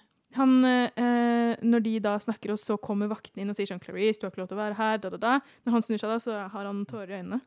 Jeg, jeg tror at alt det bare er spill fra han. Alle de mulige emosjoner. Han, han faker emosjoner. Det er jo det som er mye av den tilstanden. Men da er jo han en kjedelig karakter. Eh, da, kan, da kan han godt være det, men eh, jeg syns det er interessant uansett. Men det er jo det som gjør sånne mennesker skumle. Det er at det eneste de kan, er gjenspeiling. Eh, de har ikke utvikla, eller veldig dårlig i så fall, emosjoner selv. Og det eneste de gjør, er å gjenspeile andre mennesker. De vet hva de skal si, og de er ofte sjarmerende. Men han, han velger jo å hjelpe Clarice. Selv om han ikke trenger, og selv om han ikke får noe ut av det. Ja, han leker jo en litt sånn lek. Jeg Mm. tror han liker å leke. Men, men i den scenen også her, som jeg nevnte nå, så velger jo han å gi eh, Clarice en forklaring. Selv om han ikke trengte, for der, ikke han, der visste han at jeg kommer ikke til å få noe ut av det her uansett, ikke fra henne. Men han valgte allikevel å gjøre det, og så valgte han å ringe henne og si at du er trygg. Jeg kommer Mm. ikke til å skade deg. Så, så alt han gjør da, kan jo ikke bare være for, uh, være for å leke med henne. For da har han jo latt henne leve og hjulpet henne å oppnå Det kan godt mål. være lek, det òg. At han ikke vil uh, drepe henne. Men hvorfor? Det kan jo være at i, når en fyr som han sier 'du er trygg' Hvis jeg hadde vært uh, Starling da, så jeg hadde jo aldri følt meg trygg igjen. For jeg vet, jeg vet at han er ute, og han har ringt ja. meg og sagt 'du er aldri trygg'. Jeg hadde bare pissa i buksa hver eneste morgen. men hun svarer jo også da 'det er ikke du heller'. For han sier 'ikke kom etter meg', og så sier hun 'det kommer ikke jeg til å love deg'. Så han er jo heller ikke trygg. Nei, nei, det, men hun har jo hun har rammebetingelser hun må følge. Der, er, eh, Han, han spiser folk, han. Nam, nam, nam, nam, nam. Me hungry. Men det er noen andre som også har noen stramme rammer som de må følge, eh, og det kan gjøre at de eh, gjør ting på kanskje litt eh, um, ja, questionable ways, eh, basert på hva de tror er rett, og hva de har fått beskjed om at er rett. Vi skal altså snakke om helter som eh, i noen andres øyne Nei, men skurker som hadde vært helter i andres øyne. Eh, eller i hvert fall i sine egne. Eh, og da mer spesifikt om eh, A Few Good Men. Men eh, før vi skal eh, snakke om den, eh, så skal du få høre 'Smellen' av Kriminalkunst, Håvard Rosenberg og Bias. Du Du Du hø hører på. på Radio Nova. Ja, da skal vi gå videre til å snakke om A Few Good Men. A Few Good Men, eller Et spørsmål om ære, som den så vakkert heter på norsk, er et courtroom-drama fra 1992, skrevet av Aaron Sorkin og regissert av Rob Reiner, som for øvrig er han som har regissert uh, When Harry Met Sally, så han har jo, han har jo både A og B og C. På, ja, veldig stort register. Uh, A Few Good Men er basert på et teaterstykke av samme navn, også skrevet av Sorkin, som ble utgitt i 1989. Um, den handler om dette. Følgende. Når Meni Santiago eh, dør på den amerikanske militærbasen i Guantánamo Bay, blir to medsoldater av lav rang anklaget for overlagt drap. De hevder selv at de ble gitt ordre om å gi Santiago en code red, en form for uoffisiell avstraffelse gitt til meninger som underpresterer. Gjennom deres tre advokater, Caffey, Galloway og Weinberg, får vi se det amerikanske retts- og militærsystemet fra tre forskjellige perspektiver, og sette spørsmålstegn ved de moralske gråsonene og nyansene i maktpyramiden. Private Santiago is dead, and that is a tragedy. But he is dead because he had no code. He is dead because he had no honor. And God was watching. How do you feel about that theory? Sounds good to me. I'll knock it all down to involuntary manslaughter. No deal. We're going to court. No, you're not. Why not? Because you'll lose. You want to investigate me? Roll the dice and take your chances. I eat breakfast 300 yards from 4,000 Cubans who are trained to kill me, so don't think for one second you can come down here, flash a badge, and make me nervous. Og her blir jo bad guyen spilt av the man, the myth, the legend, Jack Nicholson, som eier og stjeler denne filmen, mener jeg personlig. Men kanskje noen andre har lyst til å starte? Jeg kan starte, jeg. Jeg kan egentlig begynne med å si at jeg syns det var for lite av han i den filmen. Mye mindre enn jeg husket. For jeg, husker, jeg likte ikke denne filmen så godt første gang jeg så den, jeg, men jeg likte den mye bedre denne runden her. Mm. Jeg bare merket, øh, og det merket jeg i Nattsvermer nå, fordi den er fra 1992, ca. rundt samme tid. Jeg synes det var jeg bare merket hvor både mot Galloway her og Starling, den der øh, kjønnsdiskrimineringen, Mm. øh, merket jeg veldig spesielt i den her. Både av Tom Cruise òg. Æsj! Ja, er ikke Tom Cruise helt forferdelig? Ja, han er jævla ekkel. Jeg hater ham! Så Så nå, OK, den verste scenen For det første, jeg hater smatting generelt på et nivå. Men når han kommer Når, han, når Tom Cruise møter Joanne, eh, sin mot... eh, eller sånn eh, lagspiller, da, eh, så Eller Demi Spilt Moore. av Demi Moore, Ja. ja. Eh, kommer inn på kontoret. Eh, Tom Cruise er jo den typiske Tom Cruise som han spiller i, i typ alle filmer, også. Jerry Maguire, hvor han bare er sånn veldig care, veldig kjekk, og så spiser han på dette eplet, og det er bare sånn Mhm. Mens hun, Demi Moore prøver å være sånn OK, det er få, to mennesker som har blitt uh, anklaget for å ha drept noen her, og han er bare sånn Det er så ekkelt! Og når, hun, og når hun bruker navnet til de som har blitt anklaget, så er han sånn Hvem er det? De høres viktige ut. ja, og det er sånn eh, Ja, det er de du skal forsvare i denne saken. Asshole. Fy faen, man hater han så mye. Jeg hatet han så Jeg ble så frustrert Jeg, jeg fikk liksom ikke Jeg tror ikke jeg fikk helt foten for Tom Cruise sin rolle Mm. sånn sympatisk i det hele tatt. Men han er ikke Jeg tror det er bare, det er bare den creepy scientologen i han som, som bare skinner gjennom. Ja, men sånn, eh, dette var på en måte før. Eh, Sånn, I dag, Tom Cruise i dag, eh, holder man seg langt, langt unna. Og man skal jo holde seg unna han på dette tidspunktet også. Men sånn, han hadde ikke nådd det punktet ennå. Han bare, dette er sånn, jeg elsker for eksempel Top Gun. Top Gun er mine favorittfilmer. Eh, og Tom Cruise spiller også jævlig der. Han bare er et sånt dra-til-tryne eh, på et helt annet nivå enn uh, J.K. Simpson er. som jeg også assosierte med det uttrykket i stad. Uh, men uh, han bare Fordi han oppfører Han er jo egentlig ganske flink skuespiller, og det er det som sjokkerer meg Eller sånn, ikke sjokkerer meg, men bare irriterer meg så utrolig mye med ham. Mm. Av den scenen med eplet, for eksempel. Da. Han bare vet nøyaktig hva han skal gjøre for å være den mest motbydelige fyren Du klarer ikke til i det onde smatteeplet. Nei! Man gjør jo ikke det! Jeg syns den ekleste scenen med ham, det var når Demi Moore kommer opp til han, altså Galloway, kommer opp til han og sier sånn Dette er det jeg tror har skjedd, du tar ikke dette seriøst, jeg vil be om en ny advokat. Og så står hun og kjefter på han, og så sier han wow, I'm sexually aroused. Og jeg bare «Åh! Jeg skal slå deg i munnen! Jeg skal slå deg inn i munnen! Æsj, for et forferdelig menneske! Men det er det som også irriterer meg med den filmen her. Fordi eh, heldigvis så skjer det ikke noe mer. Men på et punkt, for det er jo den typisk, da. Han er veldig kjekk, eh, det må jeg digg. Så det blir bare sånn, selvfølgelig skal de ha en eh, love interest, fordi de har sånn litt gnisninger. Jeg er veldig glad for at de ikke har det. Ja, for det, det, det eneste som skjer, er jo egentlig at det er, de har sånn jobbet sammen i mange uker, og så har de en eh, kveld hvor de har fri. Og så bare, Det synes jeg er veldig bold move av Demi Moore, men hun bare dukker opp på døren til Tom Cruise yeah. og er sånn helt dressed up. Eh, og så er hun bare sånn 'Å, sorry, jeg skulle ringt, men du har ikke lyst til å spise middag med meg i kveld?' Og så er han bare sånn uh, 'Is this a date?' Er han bare sånn 'No'. OK, I know a nice fish place. OK! Og så drar de på date, men så er det egentlig ikke noe mer enn det. Altså, det er jo legendarisk. De ligger jo ikke, de kliner ikke engang. Og det er sånn teit av meg å bli sånn sjokkert over at det ikke skjedde. Nei, men det er jo ikke det, for det er jo det man forventer, for det er det man alltid får servert. Det er så, det er liksom, det er så typisk oppskrift på denne typen. Jeg, jeg har hørt at uh, Aaron Sorkin fikk litt pryl fra en produsent over at de ikke ble sammen. Det Og, og at, 100 eh, og og at eh, han krangla til seg å ikke få det. At uh, det var en av de verste opplevelsene han hadde som en mannsforfatter. Fordi Aaron Sorkin er jo uh, kjent mann fra da han, han var jo nominert nå til Trial of Chicago 7. Uh, han er jo veldig kjent for uh, sin walk and talk-strategi i filmer. Hvordan syns det, dere Ja, det er jo teknisk sett ikke hans teknikk, da. Nei, men han har jo blitt, det er jo hans, en av hans kjennetegn. Ja. Eh, han, men hvordan syns dere A Few Good Men gjør seg som rettsdramafilm? Fordi jeg syns rettsdramafilm er ganske kjedelige. Hva syns dere om denne? Jeg syns denne flyter veldig godt. Når, altså, jeg syns filmen kunne vært kanskje en halvtime kortere. eh, og det tror jeg hadde ikke gjort så veldig mye. Ja, kjør inn, da. Nei, jeg er bare uh, uenig. ja, Eh, fordi det jeg liker skikkelig godt med denne filmen, her er at de må bruke en time, eller halvannen time, på at Tom Cruise skal skjønne at han skal skjerpe seg. Ja, Fordi det er veldig sant. Han er jo så motvillig. Kjempelenge. Mhm. Så er han bare sånn Jeg vil ikke, orker ikke, jeg gidder ikke. Og det hadde vært utrolig teit om de hadde, de hadde brukt en halvtime på at han skulle vært sånn OK, da. Men jeg skal filmen, gjøre det ordentlig. filmen varer jo i to og en halv time. Ja, det er kjempebra. Mm. Ja, nei, det er det jeg mener. Sånn, det hadde jo ikke blitt en, liksom, en en og en halv times film hvis man hadde kuttet bort en halvtime. Det hadde fortsatt vært to solide timer, da. Men jeg klager ikke.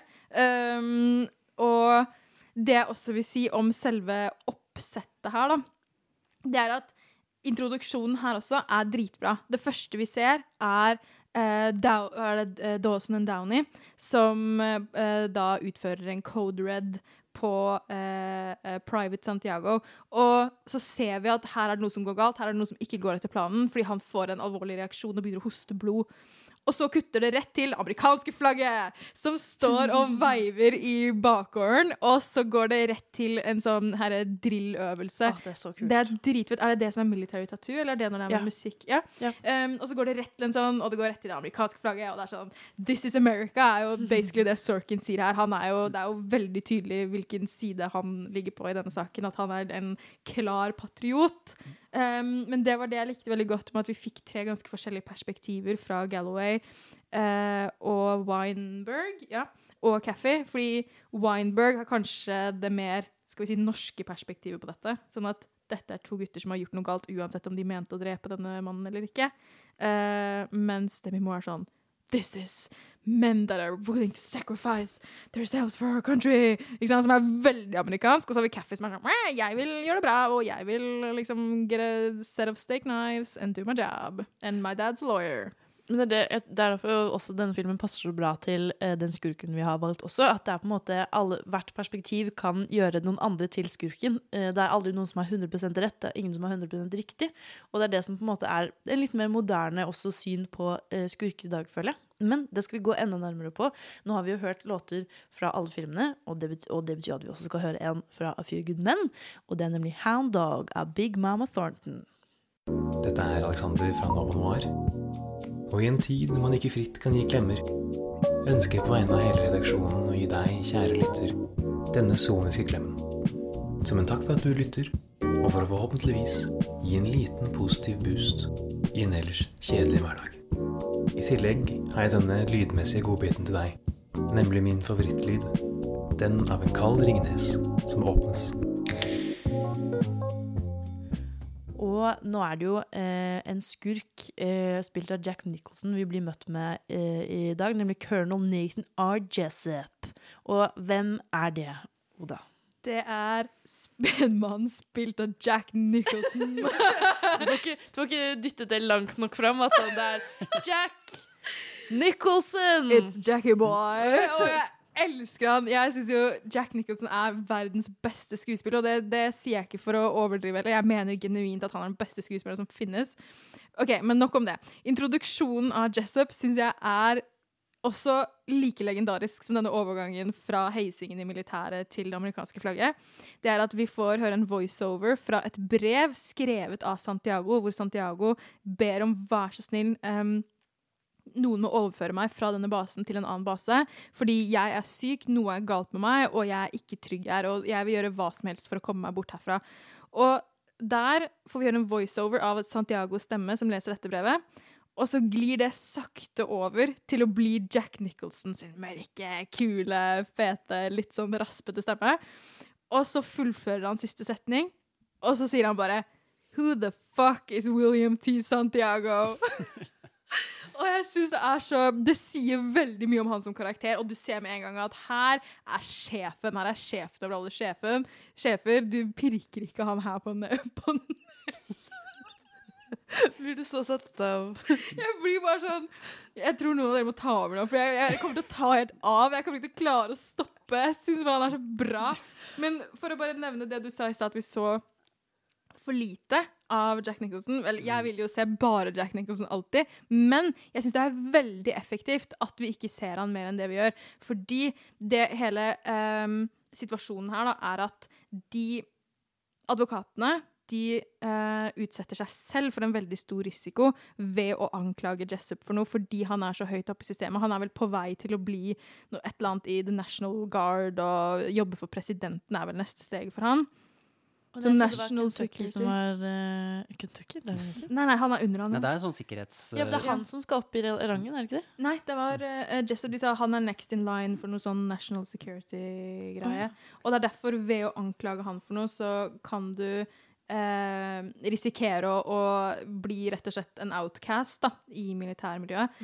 Så det at det blir bygd så opp, sånn kommer de til å tørre å, og, kalle inn dette stjernevitnet, holdt jeg på å si, og kommer de til å tørre å ta han on the stand, det gjør det øyeblikket når han først møter opp, så Veldig kraftig. Veldig kraftig. Og fun fact, jeg leste at uh, den ikoniske monologen som Jack Nicholson fremfører, han fremførte den likt hver eneste gang, og de gjorde det sånn 20 ganger eller noe sånt. Og han gjorde det helt likt hver gang. Han nølte ikke, han snublet ikke i et eneste ord. Legende. I love you. Jack Nicholson, call me. Og dette er jo Og det, dette er jo også den skurken vi har pratet om i dag, som kanskje har mest sånn makt, offisiell makt. Ja. Og en scene jeg liker, kanskje sier mest om han, er når Tom Cruise og Demi Moore møter han når de spiser lunsj utendørs på, på Cuba der. Og hvor han viser seg litt mer privat. Og at han er litt gris. Og at han er veldig glad i sin egen rang. For i starten av filmen så, så prater han jo med en sånn kollega som var gammel Vietnam-veteran sammen, og, men han er én rang under. Og Jack Nicholson lar han ikke glemme det, vet du. Vi begynte samtidig, vi gjorde akkurat de samme tingene, but Men look at you! og så liker jeg at han er sånn herre Hvis det er eh, noe som er flaut for deg, så gir jeg faen! Og så, og så når han er så gæren mot hun Galloway, eh, for det kommer jo den gamle grisen igjen òg, fordi han, eh, han spør jo Tom Cruise, fordi Galloway er en rang over Tom Cruise. Oh, og så bare så Noe du må oppleve noen gang, er å bli sugd av en dame som er i høyere rang enn deg. Mm. Men dessverre så er jeg så høy rang at jeg må bare gå og ta en kald dusj. Mm. Det Ja, det bare- finnes ingen presidenter som har kvinner i dette. Altså. Men det som også er veldig interessant med, er at de har jo dette eh, mottoet som er Unit, Core, God, Country. Som er liksom de fire tingene de skal sette høyest. Det er Først er det Unit, så er det Core, så er det God, og så er det Country, som er overalt. Det er litt sånn der... og, og, men det som er så interessant med det, er at selv om du merker at Jack Nicholson han elsker å være på toppen Eller ikke Jack Nicholson, men Jessup. Selv om Jessup elsker å være på toppen, han elsker å være sjefen, og han mener at hans valg er riktige fordi det er valg han tar, og det er valg han står for, så mener han fortsatt at valget han tok Fordi spoiler, han He did order the code red. Så mener han fortsatt at, at det valget var riktig fordi det at de dør, skal ikke bety noe så lenge de dør for å redde the country. Så selv om han ser på seg selv som den viktigste og den som er på toppen, så er han fortsatt sånn Landet er over meg, og valgene jeg tar, er for landet. Det er det som er veldig nyansert her, da. Han står jo for det til siste stund og mener på en måte at eh, og, og de rundt han også. Tilsynelatende syns jo også det, for det er jo derfor eh, de setter jo da Tom Cruise på jobben, fordi de forventer at han bare skal la det gå. Fordi det er jo ingen som faktisk det virker, Eller i hvert fall min følelse av det, var at ledelsen og eh, de andre på topp mente at det var det riktige. Santiago var ubrukelig. Eh, da må vi dessverre eh, bli kvitt ham, på en måte. Ja, og grunnen til at vi har satt han under en fanen skurker som noen liker, er fordi jeg tror det finnes mange der ute som er enig med hva Jessup gjør. Altså, og lignende valg som blir gjort i virkeligheten også. Og det er jo på en måte det som gjør for eksempel da, skurk som Thanos. Da. Han er jo, har jo lyst til å drepe sykt mange mennesker, men det er veldig mange som også Eller sånn som skurken i Watchmen, som også har lyst til å, bli kvitt en, en viss andel av befolkningen for positiv vekst. For at vi skal kunne ha nok ressurser til alle menneskene.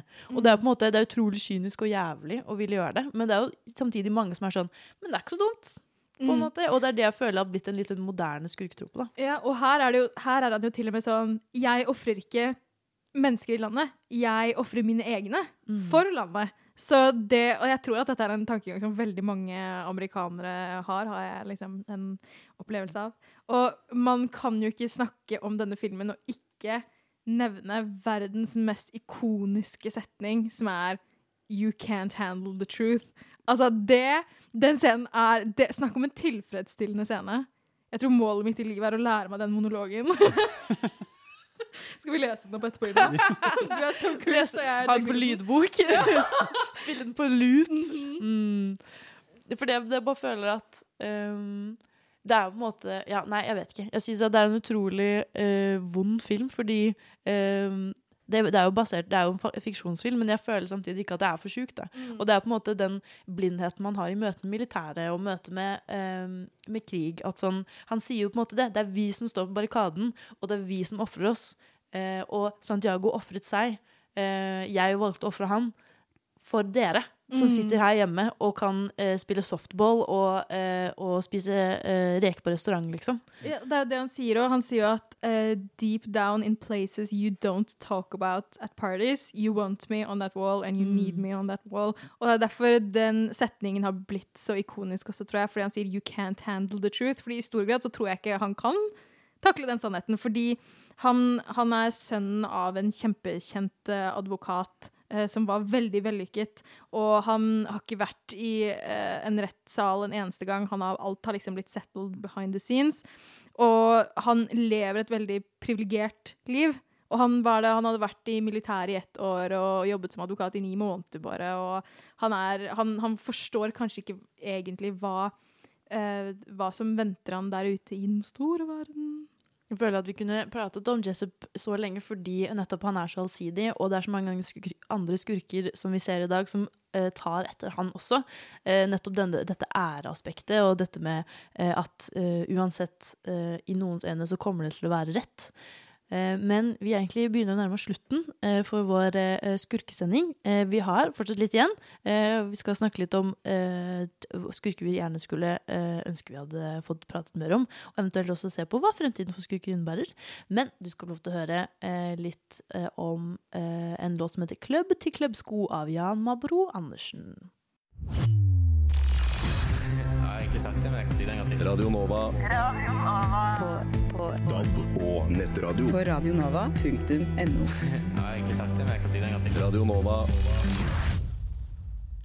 Nå har vi jo eh, gått gjennom fire store skurketroper, eller skur skurkekategorier, på en måte. Og vi har jo på en måte begynt på eh, litt den eldre versjonen, eh, som er, da er liksom disse bartesnurrerne, Cruella de Ville, gjennomsyret ond, ikke noe eh, dybde eh, whatsoever. Um, men du kan jo også se på de nye adopsjonene. Nå kommer det jo en Emma Stone-adopsjon av Cruella de Ville. en serie fra Disney som skal gi deg backstory på hvem Cruella er, og hvorfor hun er så slem. Serie? En serie er det! Jeg trodde det skulle være film. Å nei, fordi du sa serie. Og jeg trodde jeg sa film. ja, det var derfor jeg sa så er det serie. Å nei, det er en film. Tror jeg. Jeg vet ikke. I hvert fall. Eh, og det er jo kommet masse med Lifson-filmer, som nevnt. Eh, så har vi eh, gått videre på liksom, eh, de liksom er kanskje litt enda litt nærere. da. Eh, ondingene er litt mer fjerne. Um, og da er det for eksempel da bøller, som Terence Fletcher i Whiplash, eh, som man i hvert fall kan huske liksom fra sånn ungdomsskoleårene sine. Eh, det, de står ganske sånn Det er en litt sånn coming of age-typisk skurk. Eh, og så går du videre på eh, litt med sånn psykopater som Hannibal Lecter. Som også har blitt en, eh, eh, en ganske populær eh, sånn true crime-kategori. Mens de vi føler er som vanligst i dag, er de vi nettopp snakket om. Altså noen andres helt, eller en mer sånn grå helt, hvor du kan liksom til nød se litt av grunnen til hvorfor de er blitt slemme, da. Mm. Har dere, en fa har dere en favoritt blant eh, de fire vi har snakket om i dag? Av film så er det i hvert fall Whiplash. Ja, jeg Um, enig. jeg tror Jo, som jeg tror jeg ville sagt JK Simmons eller Fletcher faktisk også. Hvorfor det? Jeg vet ikke, kanskje øh, litt fordi den er den nyeste filmen på en måte. Det er øh, litt unikt, og så er den kanskje den Jeg liker skurker som er litt nært, på en måte. Eh, de andre er på en måte Oi, eh, del av noe litt mer sånn grandiøst. De er litt, litt mer fjerne, selv om de på en måte representerer noe vi kjenner igjen, da.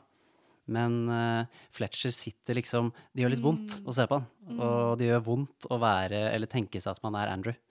Så det er den skurken som Ja, han sitter nok hardest igjen og lengst i ettertid.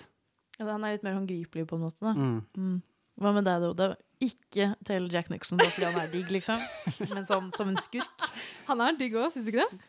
Vi kan ta den sånn. Ok, vi tar den sånn. Ehm, som sk altså, jeg vet ikke og, altså, Helhetlig så tror jeg også jeg vil si at Whiplash er min favoritt. Det er en så gjennomført film med et så knallbra manus, som er så eh, gjennomført fra A til Å. Det er ikke, det er ikke en bortkastet scene.